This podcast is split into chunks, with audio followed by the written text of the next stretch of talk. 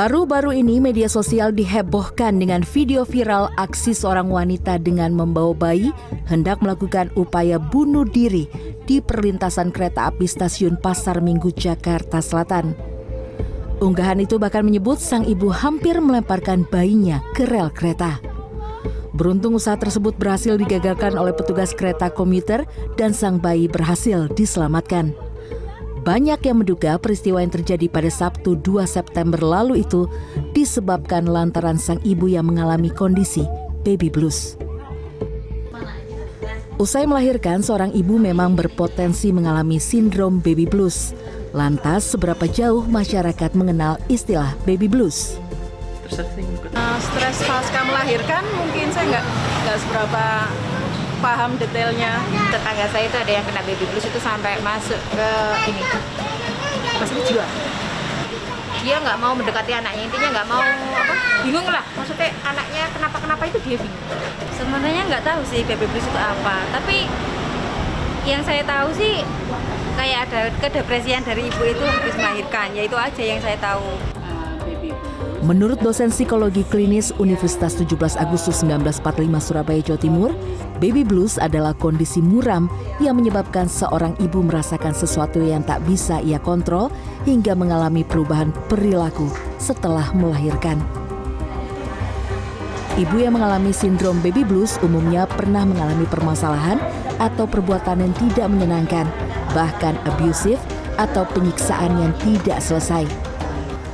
Biasanya sindrom ini dipicu lantaran sang ibu tidak mempunyai tempat mengadu atau tidak mampu mengungkapkan apa yang dirasa. Ditambah banyaknya rutinitas baru yang cukup melelahkan pasca melahirkan.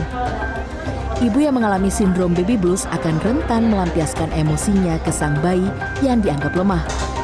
Faktor internal yang menyebabkan kondisi itu terjadi adalah kepribadian sang ibu Misalnya, ibu yang sensitif tanpa disadari akan mudah berpikir hal negatif atau merasa sedih yang mendalam.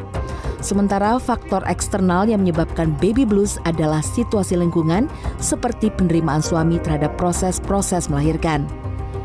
Seorang ibu yang mengalami sindrom baby blues dapat dikenali dari beberapa gejala, di antaranya mengalami perubahan suasana atau mood swings, tiba-tiba merasa sedih yang mendalam, hingga terus-menerus menangis, mudah merasa cemas berlebihan terhadap sesuatu hingga tidak mampu melakukan apa-apa.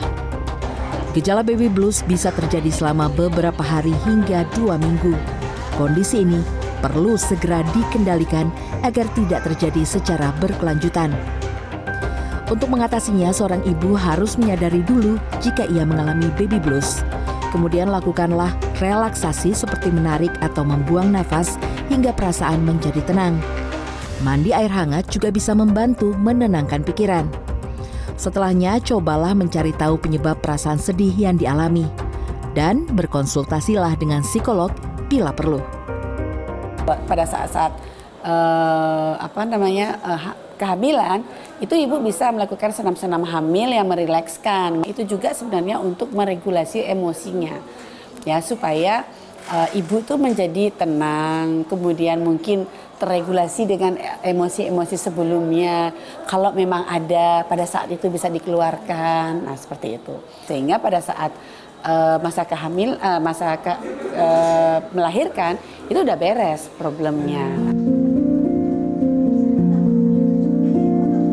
Dukungan suami, keluarga, hingga teman terdekat juga sangat penting untuk mengatasi seorang ibu yang mengalami sindrom baby blues membantu sang ibu untuk merawat bayi hingga menjaga perkataan agar tidak menyinggung perasaannya akan sangat bermanfaat untuk menjaga kestabilan emosional ibu pasca melahirkan.